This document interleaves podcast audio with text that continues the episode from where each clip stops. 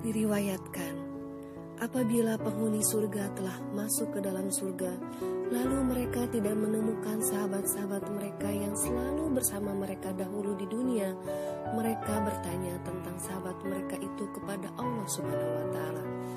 Ya Rob, kami tidak melihat sahabat-sahabat kami yang sewaktu di dunia, yang sholat bersama kami, puasa bersama kami, dan berjuang bersama kami.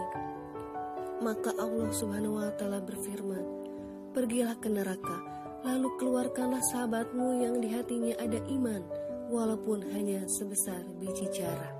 Hadis riwayat Ibnu Mubarak dalam kitab Ajur. Al Hasan Al Basri berkata, "Perbanyaklah sahabat-sahabat mukminmu, karena mereka memiliki syafaat pada hari kiamat." Ibnu Jauzi pernah berpesan kepada sahabat-sahabatnya sambil menangis, jika kalian tidak menemukan aku nanti di surga bersama kalian, maka bertanyalah kepada Allah Ta'ala tentang aku.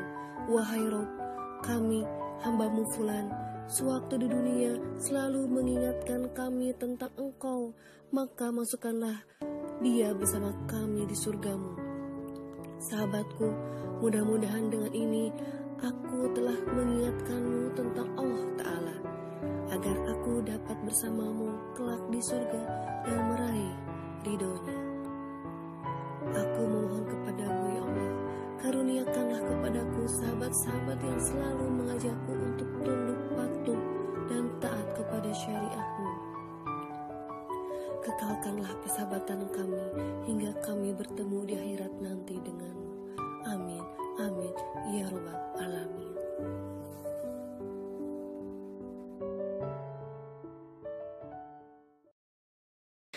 Diriwayatkan, Yunus bin Abdul Allah berkata, Suatu hari Imam Ash-Syafi'i berkata kepada saya, Wahai Yunus, jika ada sesuatu yang tidak engkau sukai dari temanmu sampai kepadamu, maka janganlah engkau langsung membencinya dan memutuskan hubungan dengannya. Jika itu engkau lakukan, berarti engkau termasuk orang yang keyakinannya hilang disebabkan keraguan. Akan tetapi, temuilah ia dan berkata, telah sampai berita kepada saya bahwa engkau mengatakan anu dan anu. Sebaiknya engkau sebutkan nama orang yang menyampaikan berita tersebut. Jika ia mengingkarinya, katakan kepadanya, engkau paling benar dan paling baik. Jangan tambah lebih dari itu. Jika ia mengakui perbuatannya, engkau lihat rawat wajahnya seperti meminta maaf, maka terimalah maafnya. Jika ia tidak mau minta maaf, maka katakanlah kepadanya, "Apa sebenarnya yang engkau inginkan dengan berita itu?" Jika ia menjawab dan jawabannya itu mengandung makna mohon maaf, maka maafkanlah ia. Jika ia tidak melakukan itu dan tidak meminta maaf, bahkan ia melawan, maka nyatakanlah bahwa perbuatannya itu salah. Dalam kondisi seperti itu, engkau berada di antara dua pilihan. Jika engkau mau, maka balaslah perbuatannya dengan perbuatan yang sama, tanpa melebih-lebihkan. Jika engkau mau, maka maafkanlah. Karena sesungguhnya, maaf itu lebih sampai kepada takwa dan kemuliaan.